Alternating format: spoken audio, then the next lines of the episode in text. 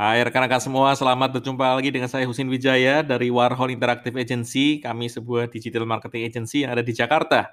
Dan seri Digital Transformations adalah seri di mana saya ingin membahas berbagai aspek, berbagai sudut berkaitan dengan mindset yang diperlukan untuk menghadapi era-era baru, terutama era-era yang kita sebut dengan revolusi 4.0.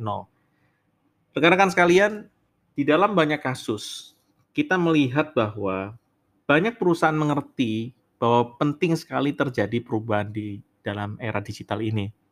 Termasuk di dalamnya adalah mereka juga mengerti perlu melakukan investasi terhadap digital capabilities ya, di dalam konteks transformasi digital.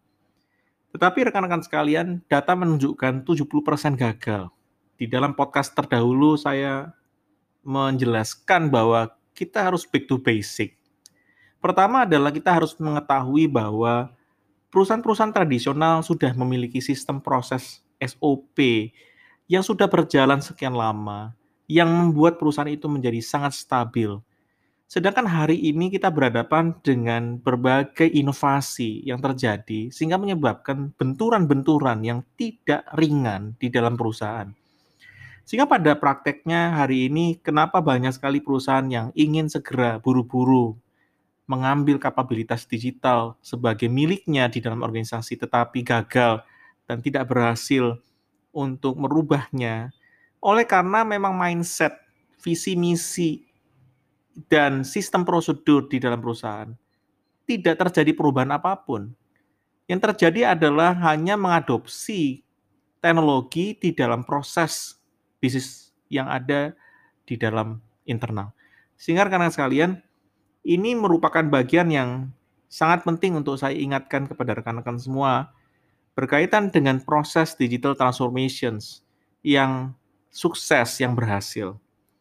Saya di dalam podcast kali ini ingin menjelaskan contoh dari DBS Bank. Jadi bank DBS dari Singapura ini adalah bank yang luar biasa sukses di dalam mentransformasi digital uh, sistem ya di dalam proses ini. Oleh karena kenapa? Karena DBS menyadari bahwa traditional bank sebentar lagi akan ditinggalkan bukan karena ingin ditinggalkan tetapi karena peluang konsumen, inovasi, sistem uh, kemudian uh, politik legal semua berubah oleh karena apa? Oleh karena digitalisasi.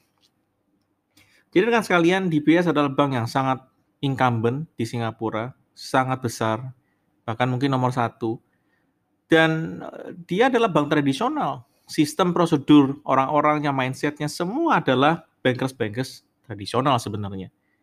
Tetapi pada akhirnya para pemimpin DBS bank ini menyadari bahwa ke depan digital banking adalah sesuatu yang real.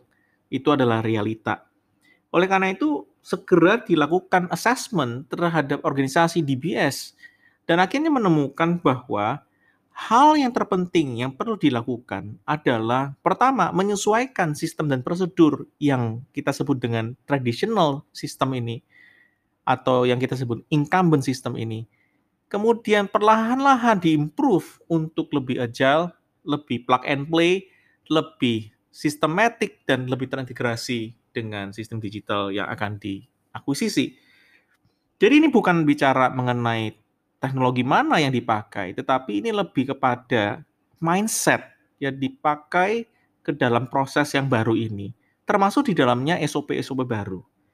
Oleh karena itu dari tahun 2009 sampai 2013, DBS kemudian meminta semua fungsi di DBS melakukan proses improvement program di mana yang dituju adalah membidik program-program atau sistem-sistem yang ada di dalam itu yang kemudian bisa ditinggalkan atau yang diperbaharui atau ada yang bisa diinovasikan untuk kemudian bisa plug and play, melekat kepada sistem baru, SOP baru yang disebut dengan digital ini.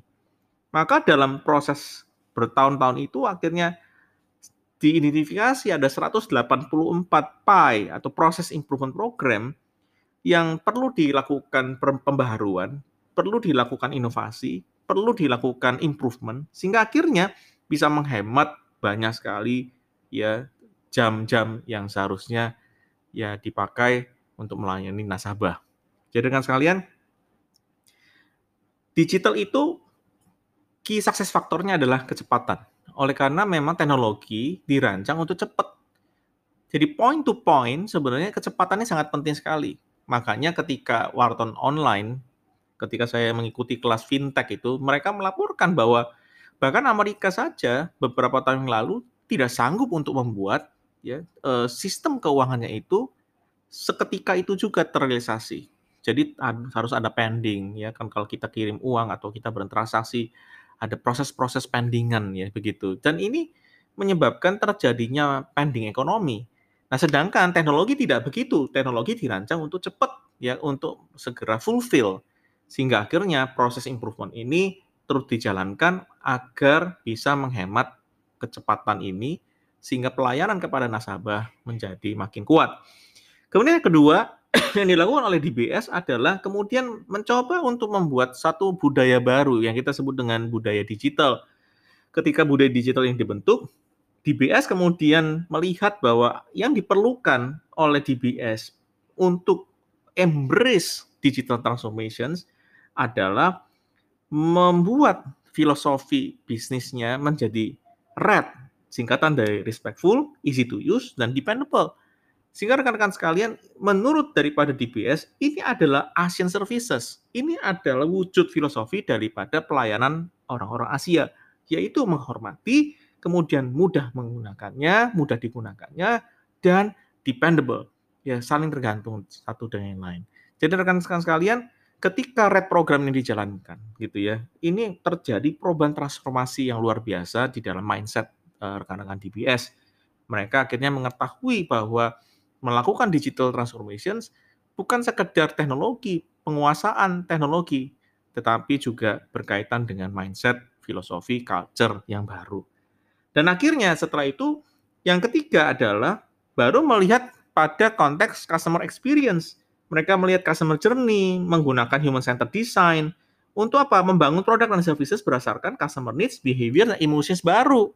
Sehingga rekan-rekan sekalian, DBS memulainya dari sistem dan prosedur, memulainya daripada membentuk budaya baru, kemudian melihat dari sisi konsumen karena melihat mereka melihat menyatakan bahwa customer is the king, customer adalah the end of the journey sehingga mereka perlu mengetahui customer needs and wants, anxiety, desire daripada si pelanggan itu untuk kemudian diterapkan ke dalam internal dalam bentuk produk dan jasa.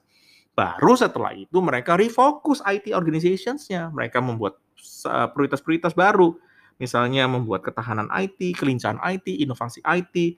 Sehingga akhirnya keamanan 100% gitu ya, cadangan 100%, ketersediaan 100%, ini semuanya menjadi apa? Menjadi satu bagian yang sangat utuh di dalam ekosistem digital transformation yang ada di dalam DBS Bank. Dan pada akhirnya, ketika kita melihat proses itu berhasil di link uh, di linking ya di apa di disatukan diintegrasikan antara proses improvement kemudian uh, culture kemudian customer journey dan kemudian IT organizations-nya akhirnya terbentuklah DigiBank sebagai perluasan bisnis DBS ke pasar baru. Sehingga pada saat itu terjadi transformasi bukan saja ke dalam sistem perbankannya tetapi juga transformasi di dalam human resource-nya sehingga kemudian menarik talent-talent dunia untuk datang ber apa ber apa ber kolaborasi dengan di, uh, Digibank ini. Dan pada akhirnya untuk mempertahankan konsep daripada digital transformation ini maka DBS kemudian menggunakan hackathons di dalam setiap prosesnya untuk terus mempertahankan uh, budaya baru ini, mempertahankan proses improvement programnya, kemudian terus-menerus meningkatkan customer journey-nya dan kemudian terus melingkan dengan IT organizations-nya. Sehingga rekan-rekan sekalian, dengan demikian proses daripada digital transformations yang dilakukan oleh oleh DBS menjadi very very successful, menjadi respected uh, digital bank di Asia bahkan dunia dan kita belajar bahwa transformasi digital harus mulai dari hal-hal yang mendasar. Kalau kita ingin tidak gagal, kita harus melihat proses lama, memperbaharuinya, mengimprove-nya agar bisa ya kemudian plug and play dengan dengan proses baru. Bahkan di dalam transisi itu kemudian menuju kepada SOP baru. Dan yang kedua adalah meningkatkan kapabilitas human resource-nya, baik dari sisi skill maupun juga attitude, bahkan mindset-nya. Sehingga kemudian terjadi sinergi antara teknologi dan manusia. Dan kemudian teknologi dan manusia ini dipertahankan melalui berbagai program-program internal yang sifatnya agile, yang sifatnya scrum, yang sifatnya paralel. Sehingga akhirnya membentuk sebuah organisasi bisnis digital yang luar biasa. Rekan-rekan sekalian, demikian yang saya ingin berikan kepada rekan-rekan semua pada podcast kali ini. Semoga pengalaman daripada DBS ini menggugah rekan-rekan untuk mulai dari hal-hal basic, mulai daripada hal-hal yang sifatnya sangat fundamental, yaitu sistem, proses, dan people. Ya, Good luck, salam bahagia untuk Anda. Semoga kita bisa bertemu kembali di podcast yang berikutnya. Salam bahagia.